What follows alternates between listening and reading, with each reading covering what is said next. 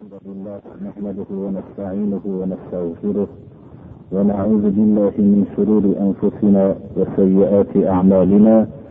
من يهده الله فلا مضل له ومن يضلل فلا هادي له. وأشهد أن لا إله إلا الله وحده لا شريك له وأشهد أن محمدا عبده ورسوله. أما بعد السلام عليكم ورحمة الله وبركاته.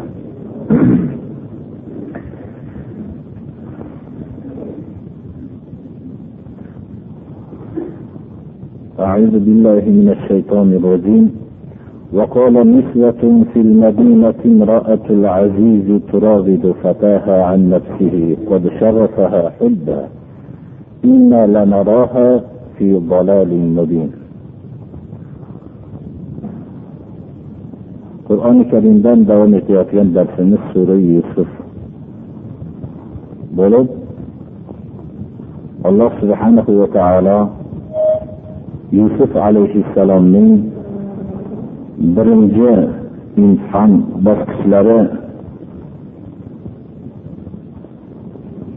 hududagi mashaqqat bo'lsa ikkinchi imtihon bosqichi qasrdagi hayot maishat hayoti va eng qattiq bir imtihon ayollar fitnasi hayoti. Mana bu hayot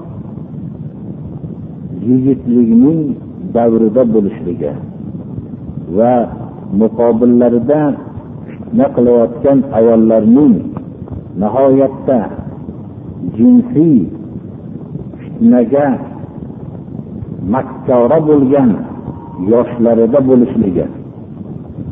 Ya'ni biz taxmin qilib avvalgi darsimizda aytganimizdek yigit kishining nodonlik va aqlining hatto havosiga yigitlik g'ururiga itoat qiladigan davri yigirma yigirma besh yoshlar bo'lsa ayol kishining eng makkora bo'ladigan davri o'ttizu qirq yosh o'rtalarida bo'lsa olloh saqlaganlar mustasno mana bu o'zining alloh subhanahu va taolo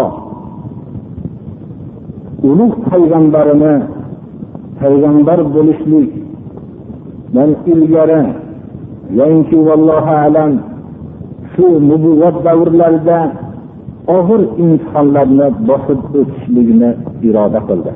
Chunki kelajak hayotida insonning qanchalik bir martabasi baland bo'lsa uning avvalgi hayot qismida imtihon bosqichlari shuncha og'ir bo'lmoqligi edi. chunki u kelajakdagi hayotda o'zining imtihon bosqichlaridagi muvaffaqiyati bilan ko'p tajribaga ega bo'lib yaxshi ishlar qila olishligi mumkin bo'ladi bu imtihon qasr imtihoni biz qasrdagi hayotni qur'oni karim qanchalik bir daqiq ta'birlaganligini avvalgi darsimizda ba'zi ishoralar qilib o'tdik. Qasr hayoti bir tarafdan juda ham maishatli hayot bo'lsa ikkinchi tarafdan bu maishat maishatning hamma turi insonga bir tarafdan katta zarar beradi. U zarar erlik g'ururlari yo'qolib boradi. Qasr hayotida o'zining oilasi bilan o'zining oilasi o'zining xizmatkor yigitini ko'p fitnaga solishlikka harakat qilinayotganligi agarchi ma'lum bo'lib tursa ham qasrdagi hayotda o'z holicha qo'yib berilaveradi. Mana bu narsaning muhim bo'lishligi xalqlar o'rtasida oshkor bo'lishligi hijolatlik ish bo'ladi. Aslida buzuq hayot hijolatlik bo'lmaydi qasr hayotlarida qur'oni karim ya'ni rasululloh sollallohu alayhi vasallam biror kun qasr hayotini ko'rmagan zotdan qur'oni karimning tilovat qilinishligi va qasr hayotining juda ham daqiq suratda bayon qilinishligi bu alloh subhanahu va taolo tarafidan qur'onning nozil bo'layotgan dalillarining yana bitta dalilidir biz avvalgi darsimizda aziz misr misr vazirlarining kattasining ayoli o'zining xizmatkor yigitining nafsidan talab qilib qattiq suratda talab oshkorlik suratiga chiqib ketgan soatda misr vazirlarining kattasi buni oldida chiqib qolgan vaqtda ey yusuf buni bekitgin deb o'zining oilasiga bo'lsa sen bu ishingni qaytib qilmagin sen xato ish qilsan deyishligi bilan tamom bo'ldi.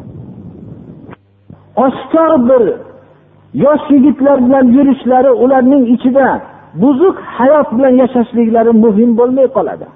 Balki muhimmi xalqlar o'rtasida buning gap bo'lishligi muhim bo'ladi xolos. Mana bu narsa hijolatlik bo'ladi xolos. Inson maishatga g'arq bo'lib ketishligi bilan undagi kishilik hali iymon g'ururini aytayotganimiz yo'q. Erkaklik g'ururi ham yo'qolib boraveradi. Ba'zi bir kishilarning mana bu qasr hayotining qur'oni karimda ta'riflaganligidan juda ham bizga tushunarli bo'ladi birodarlar. Biz shu qasr hayotining qur'oni karim daqiq ta'bir qilishlikda bugungi darsimizda ham davom etamiz. Qasr hayotidagi maishatga g'arq bo'lgan kishilarning ayollari ularning muhim ishlari bo'lmaydi.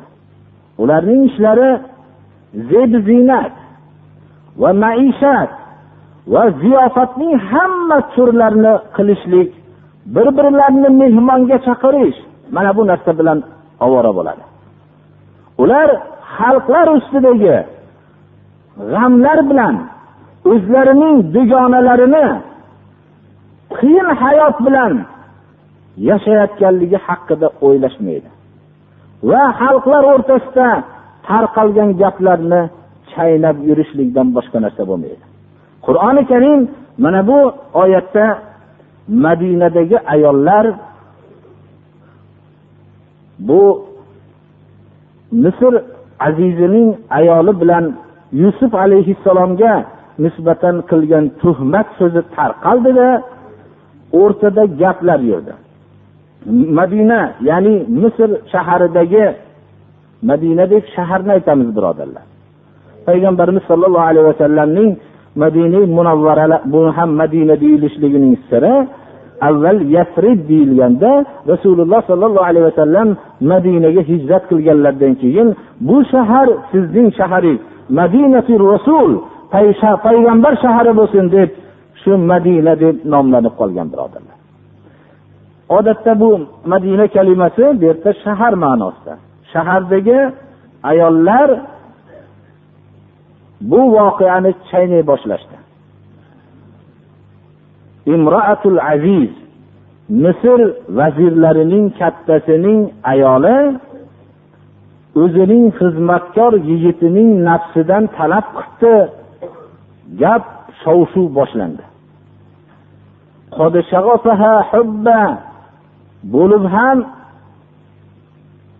uning o'zining xizmatkor yigitiga bo'lgan muhabbat yurak pardalaridan o'tib ketibdi.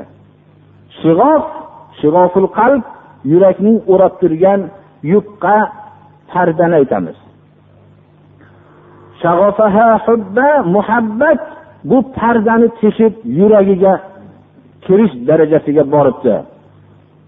O'zini yigiti xizmatkor yigitiga muhabbat bog'labdi. Mana bu gap tarqaldi.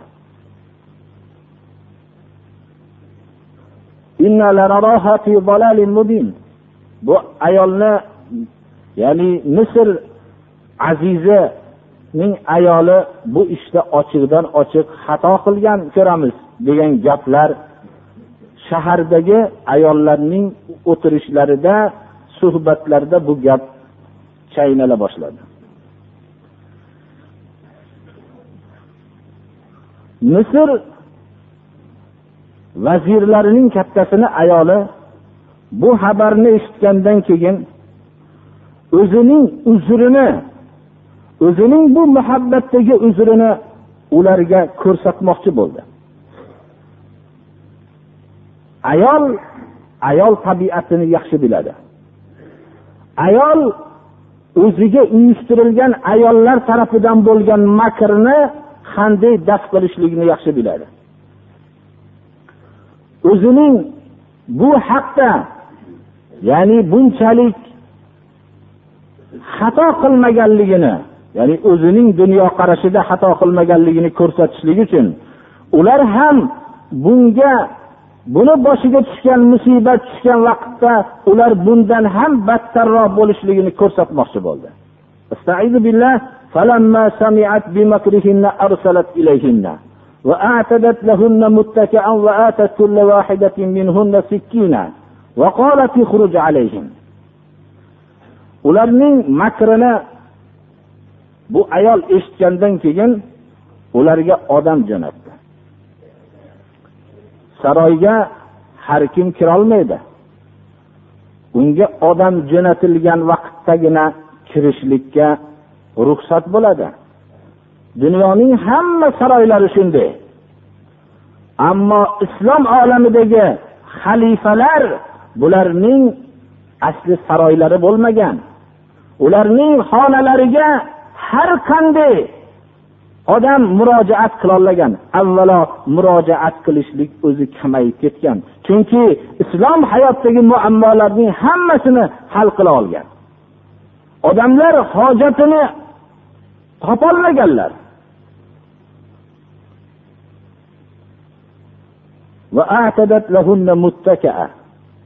Ularga ziyofat uyushtirgan vaqtda suyanchiqlar suyanib o'tiradigan darajadagi dabdabalik bir ziyofatni uyushtirdi. Demak misr hayoti shu vaqtda saroylarda qanchalik maishatda yuqori bosqichga chiqqanligiga dalolat qiladi.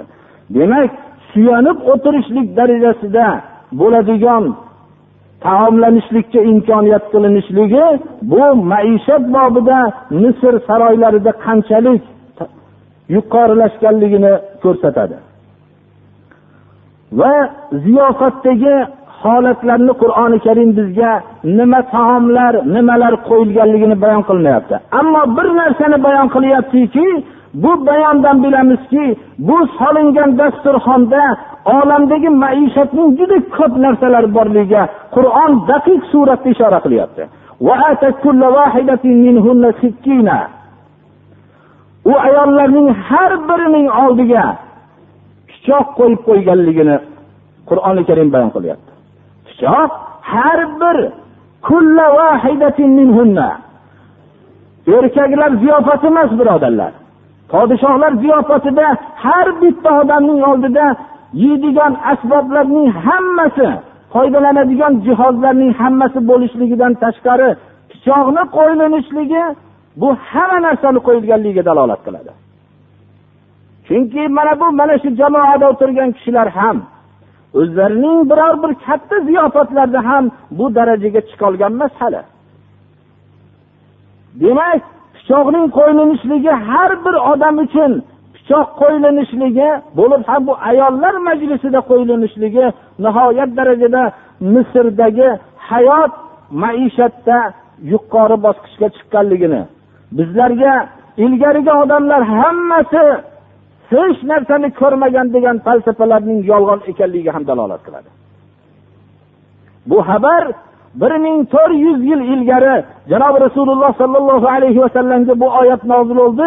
Yusuf alayhissalom davridagi hayotni aytyapti bizlarga o'tgan ajdodlarning hech qanday hayotda biror bir ne'matlarni ko'rmagan deb bizga falsafa o'qitirgan odamlar bu ne'matlar bo'lgan vaqtda ular qo'zi qorin yeb oyoq kiyimlarni poxoldan to'qishdan boshqa narsani bilmagan ular. Mana bu narsa har bitta ayolningga bir pichoqni qo'yilganligi maishat asboblarining hammasi muhayyo bo'lganligiga ishora bo'ladi. Qur'oni karim nihoyatda daqiq ifodalayapti. Pichoq qo'yilinishligi har bir ayol shu ziyofatda pichoqqa muhtoj bo'lishligi u yerda juda ko'p maishat asboblari bo'lganligiga dalolat qiladi. Ammo har bittalariga qoshiq qo'ydi deyilsa har bitta odamga oddiy ziyofatda ham qoshiq bo'ladi. Oddiy ziyofatda ham bo'ladi. Har bir odamga bittadan piyola qo'yildi desa u narsa ham oddiy narsa bo'ladi. Ammo har bir odamga pichoq qo'yildi desa bu pichoq bilan foydalanishlik uchun nihoyatda bir qulay narsalarning hammasi muhayyo bo'lganligiga dalolat qiladi.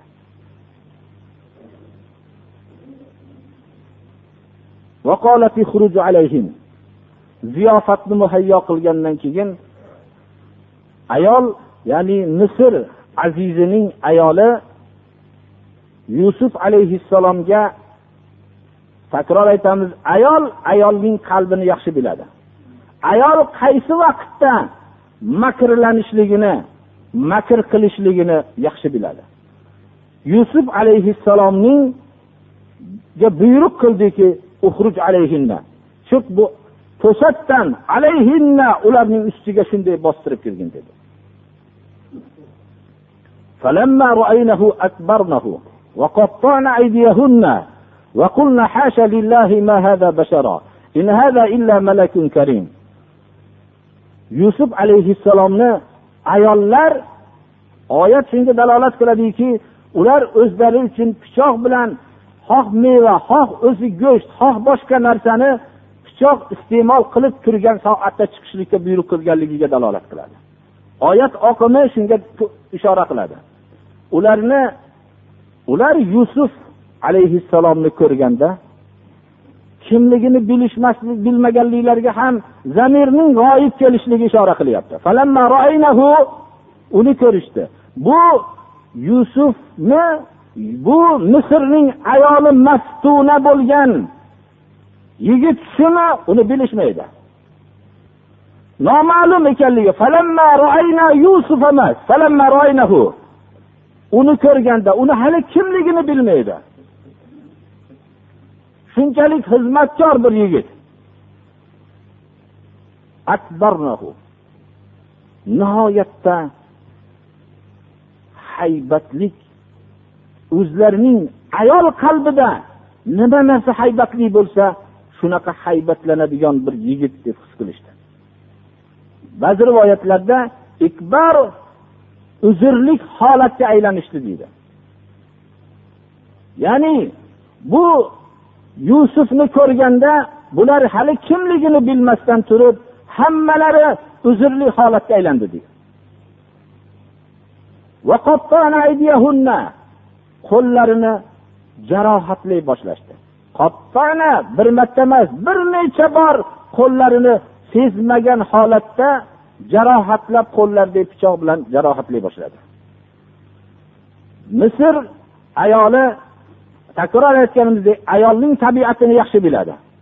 Nihoyatda vaqtida chiqarib o'zlarining hech bir inkor qila olmaydigan holatga qo'ymoqchi bo'lgan edi. Beixtiyor hasha lillah. Ajablanadigan holatda aytiladigan so'zni aytib yuborishdi. Bu inson emas deyish darajasiga chiqishdi. Illa malakun karim bu ulug' bir farishtalardan bittasidan boshqa bo'lishligi mumkin emas dedi. Mana bu narsa bizga bir tomondan sahih e'tiqodotlarning ba'zilari odamlarda o'rnashib qolganligini sirini ham bilamiz. Ya'ni ulug' farishtaga iymon keltirishganliklariga ham dalolat qiladi. Ular farishtalarning borligiga iymon keltirganligiga va lekin ba'zi bir narsalardagi iymon insonning hayotiga hech qanday bir ta'sir qilmasdan og'zidan sodir bo'lib yurishi ham mumkinligiga dalolat. Bu bizni hayotimizda ham buni misolini ko'ramiz. Ko'p odamlar doim olloh deb ajablanganda yo olloh madad bergin deydi. Sahih e'tiqodotlarni aytishadi. Juda ko'p soatlarda alloh subhana va taolo jindan saqlasin deb dahriylar ham aytib yuboradi. Ba'zi vaqt jinning borligiga iymon keltiradi. Lekin bu narsalar payg'ambarimiz shafoatlardan mahrum bo'lmaylik degan so'zni ham aytib yuboradi. Muhammad alayhissalomni payg'ambarimiz sollallohu alayhi vasallamga iymon ham keltiradi. Lekin bu so'zlar uning hayotida hech o'zgarishni yatamaydi shu bir so'z bo'lib qolaveradi. Ana shunga o'xshagan bir tarafdan ular farishtaga bo'lgan iymon sahih e'tiqodning tillarda joriy bo'lishligi shu e'tiqoddan bir qoldiq qolganligiga ishora bo'lsa ikkinchidan bizning hayotimizda ham ko'p sahih e'tiqodotlarning tillaridan joriy bo'lishligi zarrasi ham hayotimizga ta'siri bo'lmagan birodarlar. Qolat mana u o'zining hozirlab qo'ygan yoydonidagi o'qni ayol otdi. Meni malomat qilgan haqida malomat qilgan yigit shu dedi. Bir ko'rishda sizlarning ahvolinglar nima bo'ldi dedi. Men uning nafsidan talab qildim dedi. Hijolat bo'lmadi. O'zining hayosiz bir holatini oshkor qildi. Qattiq turib oldi. Bu narsanidan o'zini tiyib qattiq turib oldi bu. Men nafsidan talab qildim dedi.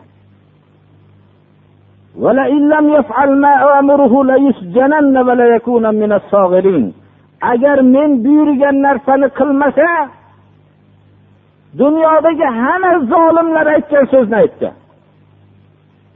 dunyodagi hamma zolimlar maishat asboblarini oldingizga qo'yib qo'yadi hayoting mamnun bo'lib o'tasan xotirjam o'tasan meni so'zimni qilsang deydi ammo bu so'zdan umid uzilgandan keyin umringni zindonda o'tkazaman agar men buyurgan buyruqni qilmasdan deyishga o'ta boshlaydi. Mana bu qo'lida huquq bo'lgan zolim doim shu so'zdan boshqa so'z bo'lmaydi. Bu allohning sunnati hech qachon o'zgarmaydi. Zolim avval insoniyatdagi zolim bilan qiyomatgacha bo'lgan zolimning tabiati bir.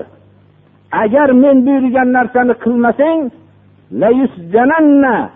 albatta men buyurgan narsani qilmasa zindonga band qilinadi dedi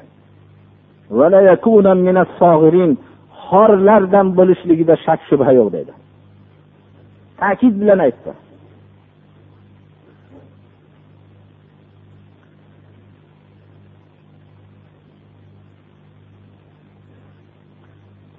ollohning bandalari haqiqiy bandalari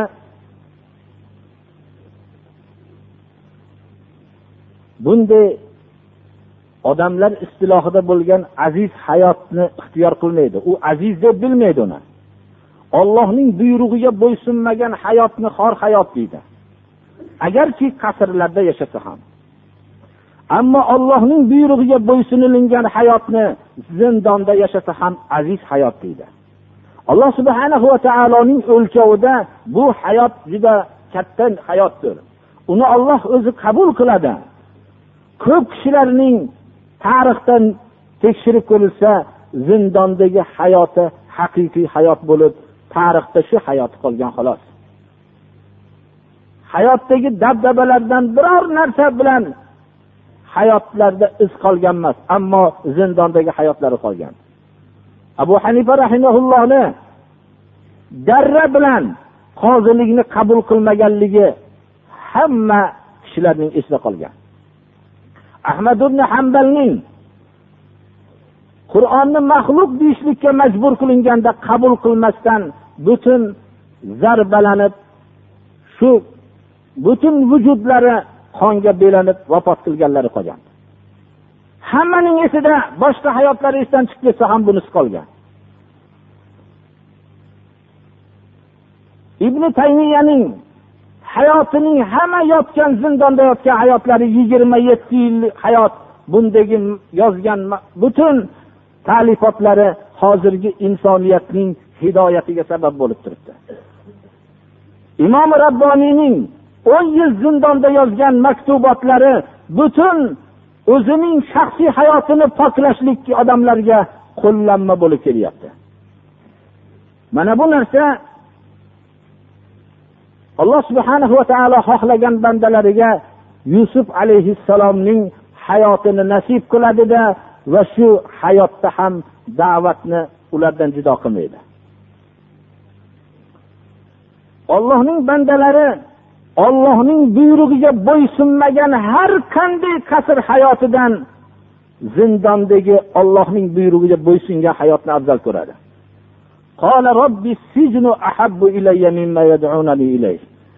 Yusuf alayhissalom aytdilarki ey robbim zindon menga yaxshiroqdir bular chaqirayotgan narsadan dedilar demak bu yerda emas bu ayollar yusuf alayhissalomni ko'rgandan keyin misr vazirining kattasini ayolini boshiga tushgan ish bularni boshiga tushdi. Demak ular fitnalik o'ziga moyil bo'lishligini talab qiluvchi ayollar ekanligi mana bu kalimadan bilinib turibdi. Endi fitna og'irlashdi. Bu kishi zindon hayotining bu ayollar talab qilayotgan narsadan yaxshi ekanligi bilan alloh subhanahu va taologa munojat qildi. Bu so'zni eshittirib aytganliklarini ham oyatning oqimidan ma'lum bo'ladi.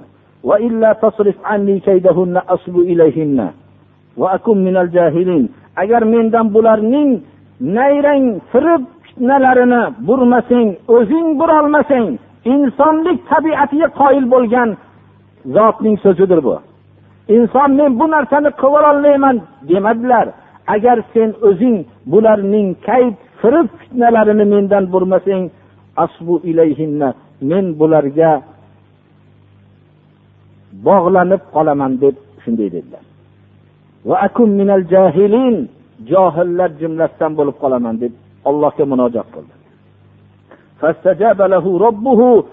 Robbi yusufni ijobat qildi. Ularning fitnalarini yusufdan burdi. Alloh subhanahu va taolo duolarni eshituvchi va kimning qalbida xolislik bilan qilayotgan duosini bilib turuvchi va ijobat qilib qalbidagi niyatiga muvofiq qanday ish qilishligini alloh subhanahu va taolo o'zi biluvchidir. ثم بدا لهم من بعد ما رأوا الآيات ليسجننه حتى حين bu oyat yusuf alayhissalomning uchinchi mashaqqat bosqichlarini ko'rsatadi zindon hayotini lahum kalimasi dalolat qiladiki bu yerda zindonga soluvchilar ayollar emas balki kishilar ekanligiga saroy odamlari ekanligiga ayollar bu tuhmatlar bilan ishlaganligiga va zindonga solishlik bu saroy ahliga aniq bir oyatlarni dalillarni ko'rishgandan keyin ya'ni yusuf alayhissalomning o'zlarini pok tutishlikka bo'lgan dalillarni ko'rishgandan keyin ularga albatta buni zindonga solishlik fikri tug'ildi. Ma'lum bir vaqtgacha. Haqiqatda ham insonni zolim kishilar o'zining fikriga burishlikka harakat qiladi. O'g'rilar ham boshqa kazzob hamma toifa ham biror bir odamdan foydalanmoqchi bo'lsa unga hamma hunarni ishlatadi qo'rqitadi maishat asboblarini ko'rsatadi martabalar va'da qiladi hamma narsa dunyoning martabalarini va'da qiladi. Va keyin u bo'lmasa qo'rqitadi. Hayotning hamma tegirmon toshini qilga bog'lab ustiga olib keladida keyin bu narsalarni qabul qilmagandan keyin buni qabul qilmaydiganga o'xshaydi. Bu haqiqiy insonga o'xshaydi. Bu haqiqiy ollohning bandasiga o'xshaydi deydida endi buni bunday pok insonning xalqlar o'rtasida yurishligi xatar deydida uning ochiq dalillarini ko'rib turib uni zindonga solishadi. Inson oyat nima? Haqiqiy insonlik ma'lum bo'lgandan keyin insonni zindonga nahotki soladimi degan hayol tug'iladi insonga. Yusuf alayhissalomning zindonga olib kirgan narsa nima edi? Faqat ollohning rabbim deb shu kishining ollohni buyrug'idan tashqari zarracha siljimasdan o'zlarining pok saqlashliklari edi.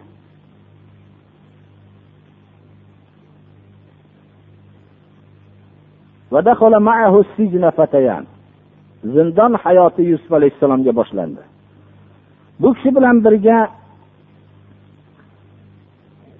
ikkita fatayan kalimasi dalolat qiladiki biz darsimizda avvalda ishora qilib o'tyapmiz saroydagi xizmatkorlarni qul bo'lib sotilganlarning saroyda baxti qaro bo'lib shu yerda xizmatkor bo'lib qolgan kishilarga ishora ekanligini aytib ko'rdik. Insonning ba'zida baxti yurishmasdan saroyda xizmatkor bo'lib qolishligi ham mumkin birodarlar. Agarki buni odamlar baxt saodat deb o'ylasa ham.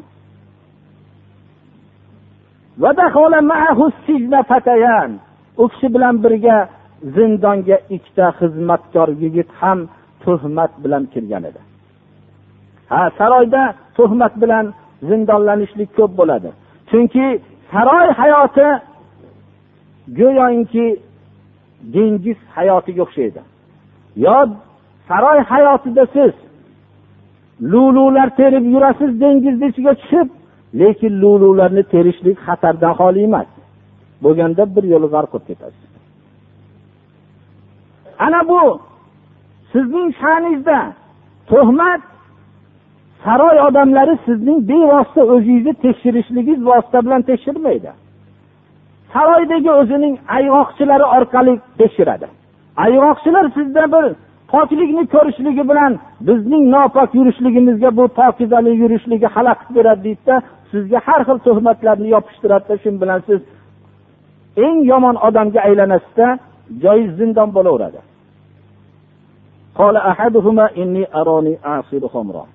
Zindon hayotini yusuf alayhissalom qanday bo'lganlarini qur'oni karim bizga ko'p bayon qilmayaptida lekin u kishining darrov salohiyati zindonda mashhur bo'lganligiga ishora bo'lyapti. Bittalari aytdiki men tushimda uzumni siqyapman dedi.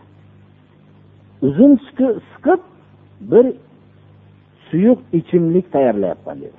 Hamro xamir kalimasi odatda o'zi mast qiluvchi ichimlikka iste'mol qilingan.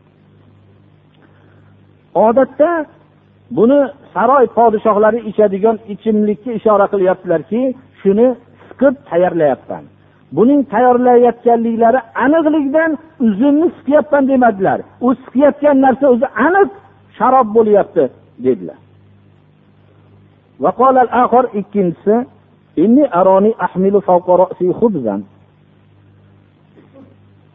men tushimni tushimda boshimni tepasidan non ko'tarib ketyapman. Bu nonni qush bundan yeb ketyapti buni tavilini bizga aytib bering sizni bir ixlosmand pokiza salohiyatli ko'ringan ko'rinib turgan odamlardan deb gumon qilyapsiz. Ulug' odamlarga o'xshaysiz shuni aytib bering dedi. Inson bir narsa so'rashlikda kimdan so'rashlikni yaxshi biladi. Inson mabodo bir muhtoj bo'lib qolsa bir salohiyatli ko'ringan odamdan borib so'rasam beradi deb gumon qiladi. Biror bir salohiyati yo'q bo'lgan odamdan so'ramaydi. Xususan kishini salohiyatli bo'lgan odamdan so'rashga harakat qiladi. Hech bir kazzob odamlardan so'ramaydi. Qo'y bunga aytib ham bo'lmaydi bu narsani deydi. Faqat bir musulmon taqvolik amal qilgan odamni oldiga borib tushini aytishlikni xohlaydi. Biror bir dahriyni oldiga borib tushini aytmaydi. Biror bir ibodatda yo'q bo'lgan odamga tushini aytmaydi. Mana bu tushidan nihoyatda har bir narsadan ehtiyot bo'lmasa ham tushini nihoyatda salohiyatli degan odamga borib aytadi. Shuning uchun ham bular yusuf alayhissalomdek salohiyatni ko'rib shu kishidan so'rashdi yoinki bu kishida alloh subhana va taolo shu ilmni bergan edi shuni bilishganlardan kelib so'rashdilar قال لا يأتيكما طعام ترزقانه إلا نبأتكما بتأويله قبل أن يأتيكما ذلكما مما علمني ربي إني تركت ملة قومي ملة قوم لا يؤمنون بالله وهم بالآخرة هم كافرون odatda zindon mahbuslar uchun muhim bo'lgan narsaning bittasi chiqib ketishlik bo'lsa u chiqib ketishlik noma'lum narsa bo'lganligi uchun mahbuslar zindondagi kishilar uchun muhim bo'lgan narsa taomdir. Bu yerda bu mahbuslarni o'lib qolmasligi uchun taom berib turiladi. Boshqa maqsadda emas zindon hayotida o'lib qolmaslik uchun.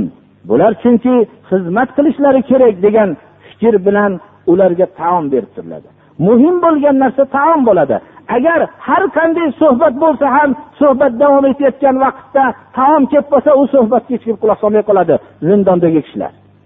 Shuning uchun ham bo'lsa kerak qur'oni karimning tabiri rasululloh sollallohu alayhi vasallam hayotning hamma burchaklariga javob aytayotganliklari o'zlarining bu hayotlarni hech qaysini ko'rmagan holatda aytishlari qur'oni karim alloh subhanahu va taolo tarafidan ekanligining dalillarini yana bittasidir. Sizlarga yeydigan sizlarni rizqlantiriladigan taom kelmasdan turib men sizlarga tushinglarni tavilini aytib beraman. Ya'ni xotirjam bo'linglar. Taom kelguncha tushinglarni tavili tamom bo'ladi dedilar. Ya'ni taom kelib qolsa tugamasmikin degan so'zdan xotirjam qilib qo'ydilar. Chunki taom u yerdagi eng muhim narsa undan boshqa narsa muhim yo'q. U yerda birovni kelishligidan ham eng muhim narsa taomdir. Taom kelmasdan sizlarning rizqlantiriladigan payg'ambarlarning qalbi shundayki taomni zindonda yotgan vaqtda ham rizq deb e'tiqod qilishadilar. Uning birov berayotgan narsa deb bilishmaydilar. Sizlarga rizqlantiriladigan. Bular tarafidan ham deb aytilmayapti. Majhul qilinishligi alloh subhanahu va taolo tarafidan sizlarga rizq qilib keltirilayotgan taom kelmasdan turib sizlarga tushinglarni tavilini aytib beraman dedilar. Xotirjam qilib qo'ydilar.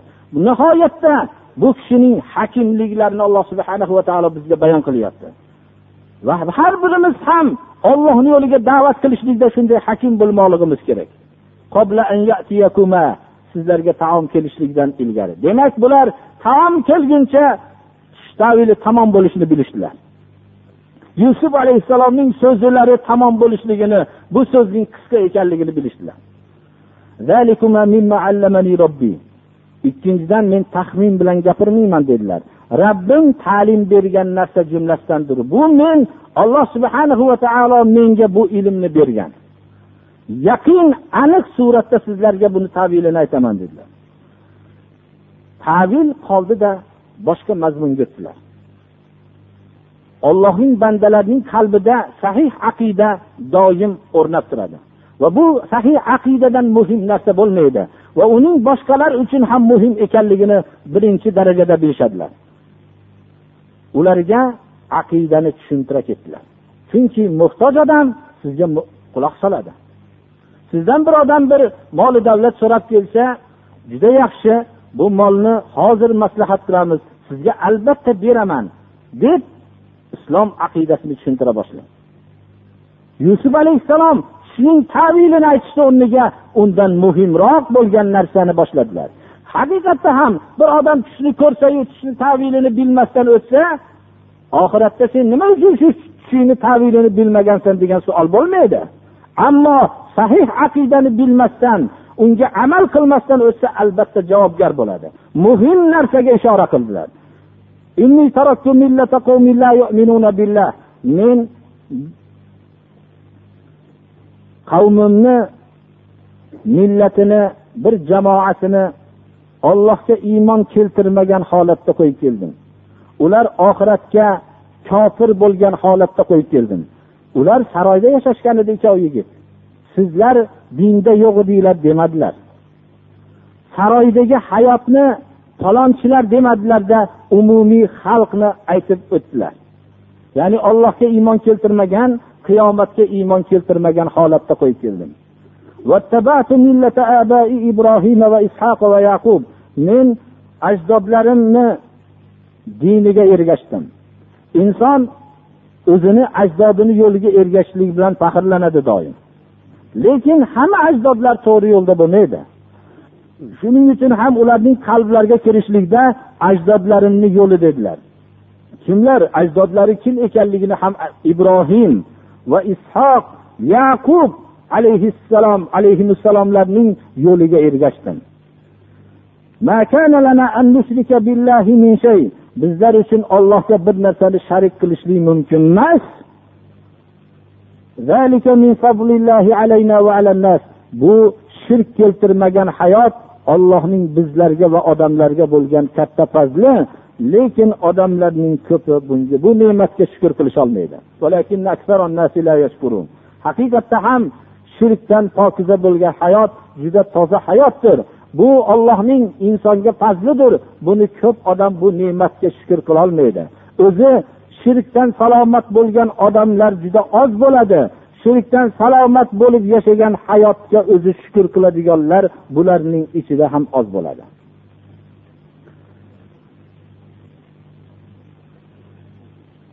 Inshaalloh darsimizni yusuf alayhissalomning zindonga kirgan hayotlari zindonda ham o'zlarining hayotlarini pokiza saqlab qolganliklari mo'min odam doim ham o'zini hayotini shunday pokiza saqlashlikka kerak. Alloh subhana va taolo o'zining eng yaqin do'stlarini shunday og'ir imtihonlar bosqichini bosib o'tishligini iroda qildiki boshqalar ya bular namuna bo'lishsin deb. Bir kishi islomga kirishidan oldin ko'p odamlardan norozi qilib qilgan bo'lsa zulm qilib yoki haqqini yeb shu odamni islomga kirgandan keyingi hukmi qanday deb. Bir kishi islomga kirgan bo'lsa islomdan ilgarigi olloh bilan o'zini o'rtasidagi xatolar hammasi kechiriladi. Lekin bandalar o'rtasidagi haqlar bu qoladi birodarlar. Birovni urgan bo'lsa undan kechirim so'rashligi kerak. Chunki buni mo'min bo'lganligini bilsa u albatta kechiradi. Chunki mo'min odam mo'min bo'lgan birodarini bilsa ollohni kechirganligini eshitgandan keyin u albatta o'zi kechiradi. Olloh kechiribdiki shuncha xatolarni deb mo'min bo'lganligini eshitishligi bilan kechirdim deydi. Mol haqida bo'lsa moli bo'lsa to'lashligi kerak bo'ladi. Yoinki rozi qilishligi kerak bo'ladi. Bir kishi uylanmoqchi bo'lsa bir joydan uylanmoqchi bo'lganda qizning dadasi bir joy qilib berishlikka qodir bo'lib joy qilib bergan bo'lsa bizda mana shu shunaqa suratda kuyov bo'lgan bo'lsa shu qanaqa bo'ladi deb so'rabdilar. Masalan odatda qanday bo'lishligidan qat'iy nazar kuyov bo'ladigan odam mahrni berishligi shart bo'ladi. Mahr ala mataroboya ya'ni kelin bilan kuyov kelishilingan ma'lum bir miqdorni mahr deymiz. Albatta bu mahr shart. Chunki qur'oni karim qur'oni karimda degan. Har qanday kambag'al kuyov har qanday badavlat kelinga mahr berishligi shart bo'ladi. Mahr kelishilingan miqdor. Ho u bir tanga bo'lsin ho ko'p bo'lsin. Lekin bu narsani mabodo biror biri shunga iltifot qilgan bo'lsa uni hech qanday bir zarari yo'q. Ular shunga muhtoj bo'lishligi ham mumkin bo'ladi. Uni hech bir shar'an buni hech aybligi yo'q oyog'ini kerishlikka yonidagi odam sabab bo'ladi birodar. U oyog'ini yig'ishtiraversa bu endi oyog'ini kerib uni oyog'iga yopishtirishlikka majbur bo'ladi. Hamma shuni sunnatni ihyo qilsa hech kim oyog'ini keraman desa ham kerolmay qoladi. Shuni bilsinlar. O'zini ayblasin ko'proq shu e, nimalar? Chunki tovon takror aytamiz. Tovon bilan oshib bir biriga tegish kerak. Chunki shayton ikkita mo'minni e, namoz o'qiyotgan kishini orasidan qo'zichoq suqilib olgandek suqilib oladi. Qo'zichoqni suqilishligini qo'yib boqqan kishilar biladi mana. U agar sal imkoniyat bo'lsa kirib oladi qo'zichoq. Davomida shu so'rayaptiki sahih buxoriyni uchinchi sonida qabrda mazhab so'ralishini kiritilganini tushuntirib bering. Men buni uchinchi sonida bu narsani men ko'rganim esimda yo'q. Lekin sahih buxoriyga bu narsani mazhabni so'raladi deyishlikdan hozirgi odamlarni tushunchasi bo'lsa noto'g'ri. Chunki sahobalar so'ralsa nima deyishadi unisi mazhab ikki yuz yil keyin kelib chiqqan. Sahobalar muhammad alayhissalomni mazhabida bo'lishganlar. Mazhab degani yo'li. Hamma mushtahidlar muhammad alayhissalomni yo'lida bo'lganlar. Va ular aytishganlarki mana ibn abidin aytganlarki agar rasululloh sollallohu alayhi vasallamda bir hadis sahih bo'lsa har qanday mushtahidni so'ziga to'g'ri kelmasa ya'ni bu hadis sahih hadis bo'ladigan bo'lsa shuni qabul qilinadi. Hadisga hadis bilan muqobil bo'linadi. Mana bu hadis bor ekan desa manoyam ham bor ekan desa unda mumkin haqqi bor. Ana endi ikkovini bog'lab tushunishlikka harakat qilinadi. Lekin bu bu qabrda bu narsa bo'ladi deyishlik bu xato birodarlar. Mana butun sahih hadislarda birinchi rabb taolo subhanahu va taoloni va dinimizni va muhammad alayhissalomni suol qilinadi. Mana bu narsadir. Bu buxoriyda men shu borligini bilmas ekanman. Iloji bo'lsa menga bir ko'rsatilsa biror bir tushunmovchilik bo'lishligi mumkin. Subhanahu va taolo mana bemorlarga alloh taolo shifo bersin. Bu sirojin akamizni har jumada duo qilyapmiz alloh taolo u kishi shifo bersin yana xat yozishibdilar. Alloh subhanahu va taolo farzandlariga ham alloh taolo shifo bersin. Hamma ahli islom bemorlarga alloh shifo bersin. Alloh subhanahu va taolo nohaq mahbus bo'lganlarga alloh najot bersin. Mana bugungi darsimiz shu xususda ketdi o'zi. Alloh subhanahu va taolo doim mazlumlarni dodiga yetsin alloh taolo. Alloh subhanahu va taolo